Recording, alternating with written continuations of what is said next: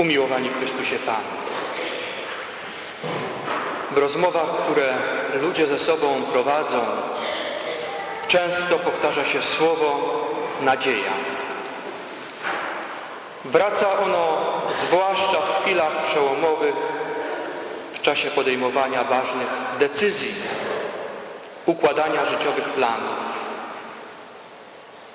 Mam nadzieję, że wybiorę dobrą drogę, że nowa szkoła spełni moje oczekiwania, że znajdę dobrego męża, dobrą żonę, że dzieci spełnią moje pragnienia. Mam nadzieję. Słowa te nieustannie do nas powracają, stają się siłą nadającą sens naszemu życiu. Wszyscy mamy swoje małe i wielkie nadzieje. Często jednak bywa tak, że te nadzieje okazują się płonne. Bo i szkoła nie całkiem odpowiada i mąż trochę inny od tego wyśnionego wzoru. Im większy zawód, tym większa gorycz. A stąd już niedaleko do rezygnacji, do stwierdzenia, że nadzieja jest matką głupich. I może być tak, że to żartobliwe powiedzenie położy się cieniem na naszej drodze życia, który poprowadzi do beznadziejności i rozpaczy. Rozważając mękę naszego Pana, zamyślimy się dzisiaj nad losami nadziei w życiu człowieka. Chcemy przejść śladami tych ludzi, którzy byli świadkami śmierci i zmartwychwstania Chrystusa, by razem z nimi cieszyć się ze zwycięstwa nadziei i razem z nimi boleć nad jej kryzysami. Problemy, wobec których stajemy, nurtowały ludzi wszystkich czasów. Ich ślady znajdujemy także w Biblii. Abraham wbrew nadziei uwierzył nadziei, że stanie się ojcem wielu narodów. W Egipcie Żydzi ufali, że Bóg wyprowadzi ich potężną ręką z niewoli i da im ziemię obiecaną. Uciskani w Babilonii z nadzieją wyglądali dnia wyzwolenia. Dlatego psalmista śpiewał Tobie zaufali nasi przodkowie, zaufali, a Tyś ich uwolnił. Do Ciebie wołali i zostali zbawieni. Tobie ufali i nie doznali wstydu. Stary Testament przyniósł także wizję Mesjasza, potężnego króla, który zdobędzie posłuch narodów, którego tron Bóg utwierdzi na wieki. Wizja ta wzbogacona w proroctwie Izajasza o ideę cierpiącego sługi Jahwe stała się źródłem nadziei dla narodu wybranego. Oczekiwania te znalazły odbicie na kartach Ewangelii. Jezus Chrystus, posłany od Boga Zbawiciel, przychodzi z mocą, czyni wiele znaków i cudów, jednak nie ma w sobie nic z wielkiego, ziemskiego wodza, władcy dającego odczuć narodom swe panowanie. Wręcz przeciwnie, pochyla się nad biednymi i ubogimi, rozumie ludzkie słabości i upadki. Tam, gdzie oczekiwano blasku, ukazuje pokorę. Gdzie nienawiść do wrogów, miłość. Chrystus burzy dawne wyobrażenia. Nic więc dziwnego, że nie znajduje zrozumienia. Nawet najbliżsi uczniowie, słuchając swego mistrza, Nie potrafili zrozumieć Jego nauki. Piotr pierwszy wyznał wiarę, że Jezus jest Mesjaszem. Ale zaraz potem, gdy Chrystus wyjaśnił swe posłannictwo, usiłował odwieść go od nauki, której blask władzy zatopiony został wizją krzyża. Wzgardzony przez ludzi, odrzucony przez arcykapłanów i uczonych w piśmie. Nie, tego nie można było łatwo zrozumieć, a tym bardziej przyjąć.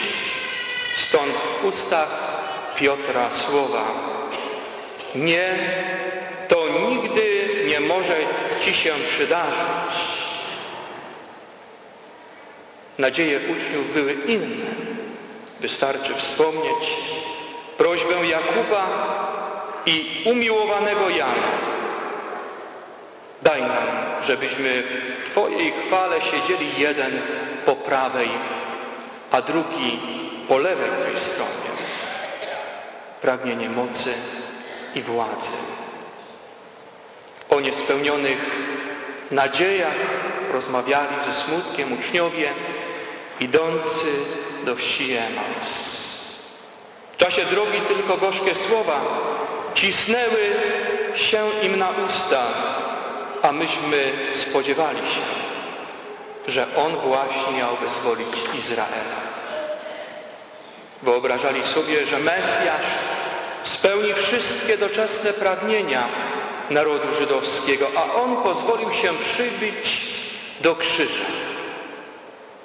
Razem z Nim umarły więc wszystkie ich nadzieje. Nie potrafili zaufać, zapomnieli o zapowiedziach Jezusa dotyczących Jego zmartwychwstania. Wystarczyło kilka chwil próby, a prysła jak bańka mydlana cała nadzieja, którą Chrystus mozolnie wlewał w ich serca. Również prysły ziemskie, interesowne nadzieje Judasza. Załamałeś się, kiedy zaufał własnym kalkulacjom. Nic więc dziwnego, że nie zawahał się sprzedać nauczyciela, a spełnienie swoich nadziei widział tylko w blasku połyskujących srebrników. Judasz szybko się jednak zorientował, że popełnił błąd. To, co było przedmiotem jego płytkich nadziei, wkrótce stało się przyczyną głębokiej rozpaczy. Pozornie zaufał wielu rzeczom, ale zawiodło go wszelkie zaufanie. Zawiodło go zaufanie w perspektywie olśniewającej kariery, jaką wymarzył sobie u boku Mesjasza. Zawiódł go zysk materialny, który nie dał mu żadnej satysfakcji. Zawiedli wreszcie ludzie, którzy wykorzystawszy jego usługi, odrzucili go w końcu jak bezużyteczny przedmiot. Został Judasz sam, ze swoimi niespełnionymi marzeniami, wyrzutami sumienia i goryczą. Goryczą po brzegi wypełniającą jego serce. Zawiedli go wszyscy i wszystko. Mogło go nie zawieść tylko zaufanie w miłosierdzie Boże, ale właśnie tego zaufania mu zabrakło. Rozpacz Judasza zaprowadziła go aż pod drzewo szubienicy, a przecież mógł znaleźć przebaczenie pod innym drzewem, pod drzewem krzyża, na którym konał Zbawiciel. Mógł, gdyby tylko zdołał obudzić w sobie iskierkę nadziei, że jeszcze nie wszystko stracone. Nie było komu to stać. Kiedy śledzimy los nadziei ludzkiej w czasie męki Chrystusa, to bez trudu dostrzegamy nie tylko jej klęski, ale i jej zwycięstwa.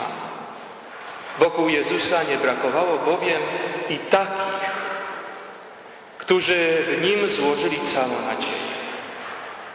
To ci, którzy zaufali Jego miłości, którzy potęgą nadziei potrafili zwyciężyć beznadziejność i zwątpienie. Owa potęga nadziei pozwoliła ukrzyżowanemu Łotrowi wypowiedzieć słowa Jezu, wspomnij na mnie, gdy przyjdziesz do swego królestwa. A wszystko to stało się w chwili, kiedy nie było już sensu rozmyślać o ocaleniu, kiedy nie można było liczyć na jakieś ludzkie siły. Zaufał Bożemu miłosierdziu i udowodnił, że nigdy nie jest za późno. Najpiękniejsze jednak zwycięstwo odniosła nadzieja w życiu Najświętszej Maryi Panny. To ona na krzyżowej drodze ani przez chwilę nie zwątpiła w sens męki Syna. Tą nadzieją promieniowała po śmierci Syna, choć inni się załamali. Dopiero zmartwychwstanie Jezusa i zesłanie Ducha Świętego stało się źródłem siły, która dokonała gruntownej przemiany w życiu apostołów. Z wylęknionych, słabych ludzi stali się heroldami Ewangelii, niosąc ją na cały świat.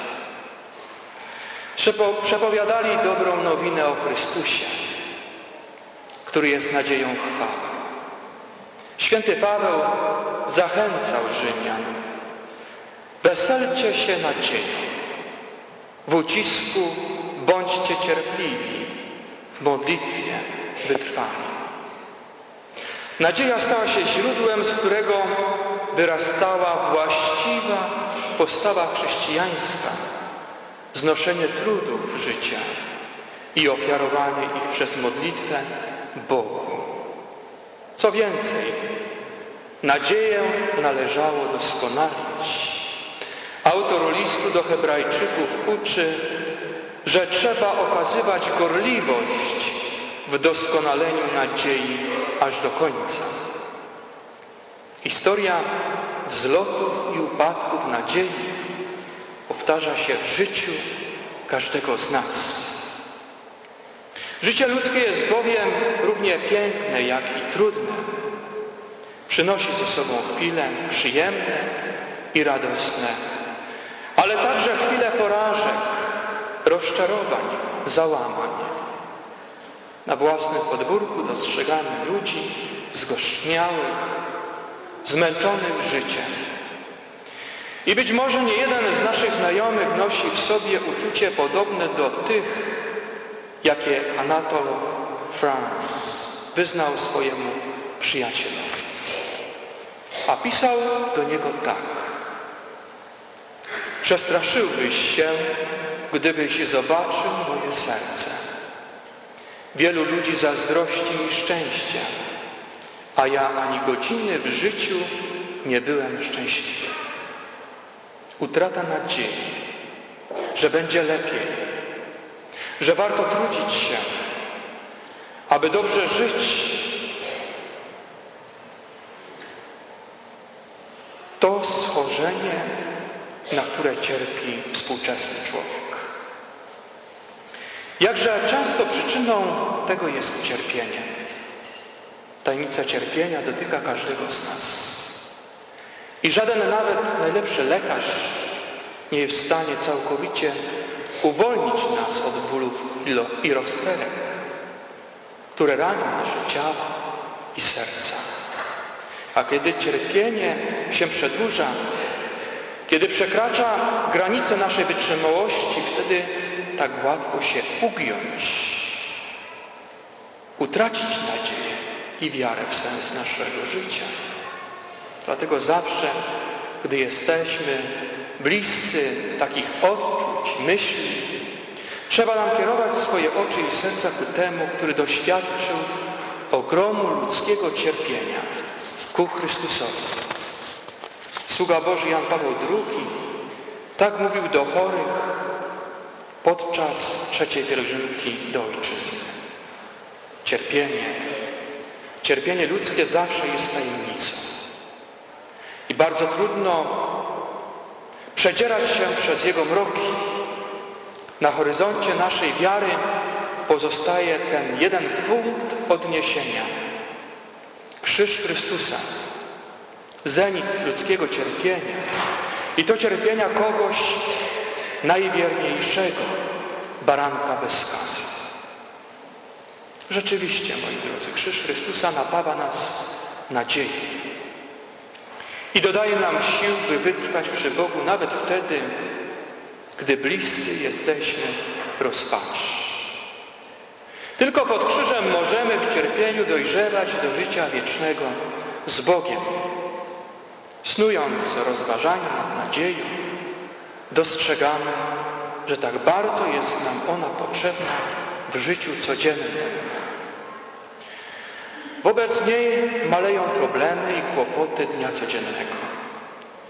Święty Paweł pisał, zewsząd znosimy cierpienia, lecz nie poddajemy się zwątpieniu. Żyjemy w niedostatku, lecz nie rozpaczamy. A my tak słabi jesteśmy. Tak często opuszczamy ręce, tak często brak nam nadziei. Pochylone głowy, brak uśmiechu, ciągły niepokój. Czy nie pozbawią mnie pracy? Czy wystarczy pieniędzy na zapłacenie mieszkania i utrzymanie rodziny? Zaczyna nam także brakować wiary w sens wyrzeczeń. Możliwość wyjścia z kryzysu, którym znajduje się państwo. Poczucie zawodu. Dużo, dużo gorzkich słów. Jest źle. Ja już mam tego dość. Już dłużej nie potrafię tego znieść. I często bywa tak, że zanim zaczniemy wchodzić na górę, siadamy u jej podnóża i bezradnie załamujemy ręce. A przecież Jezus daje nam swoją moc i nadzieję.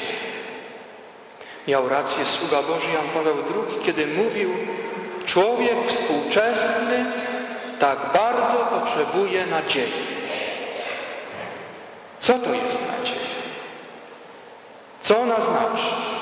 Znaczy, nie daj się zwyciężyć złu, ale zło dobrem zwyciężaj. Zło można zwyciężyć. To jest właśnie siła nadziei. Może w tej chwili, w tym dziejowym momencie nadzieja jest najbardziej zagrożona, a równocześnie najbardziej nieodzowna. Nadzieja, która jest mocą która go czyni mocnym również wśród cierpień i doświadczeń, wśród przeciwieństw. Moi drodzy chrześcijanie, musi jednak pamiętać, że oprócz tych ziemskich nadziei na lepsze życie jest jeszcze inna nadzieja, która powinna mu przyświecać najmocniej. To nadzieja pełna nieśmiertelności, nadzieja zdobycia ojczyzny niebieskiej. Droga do tej ojczyzny prowadzi przez krzyż udręki, wysiłku i wyrzeczenia. I nie można się o nią i nie można się na nią wybrać bez ufności. Błogosławiony biskup Józef Sebastian Pelczar tak pisał o tej ufności. Ufność daje siłę, męstwo i pokój. Cóż zdoła zaniepokoić duszę ufającą Panu? Na te wszystkie niepokoje, zniechęcenia i zwątpienia Zbawiciel pozostawił nam niezawodne lekarstwo. Eucharystię. Sługa Boży Jan Paweł II nazwał ją sakramentem sensu, bo potrafi nadać sens każdemu ludzkiemu życiu.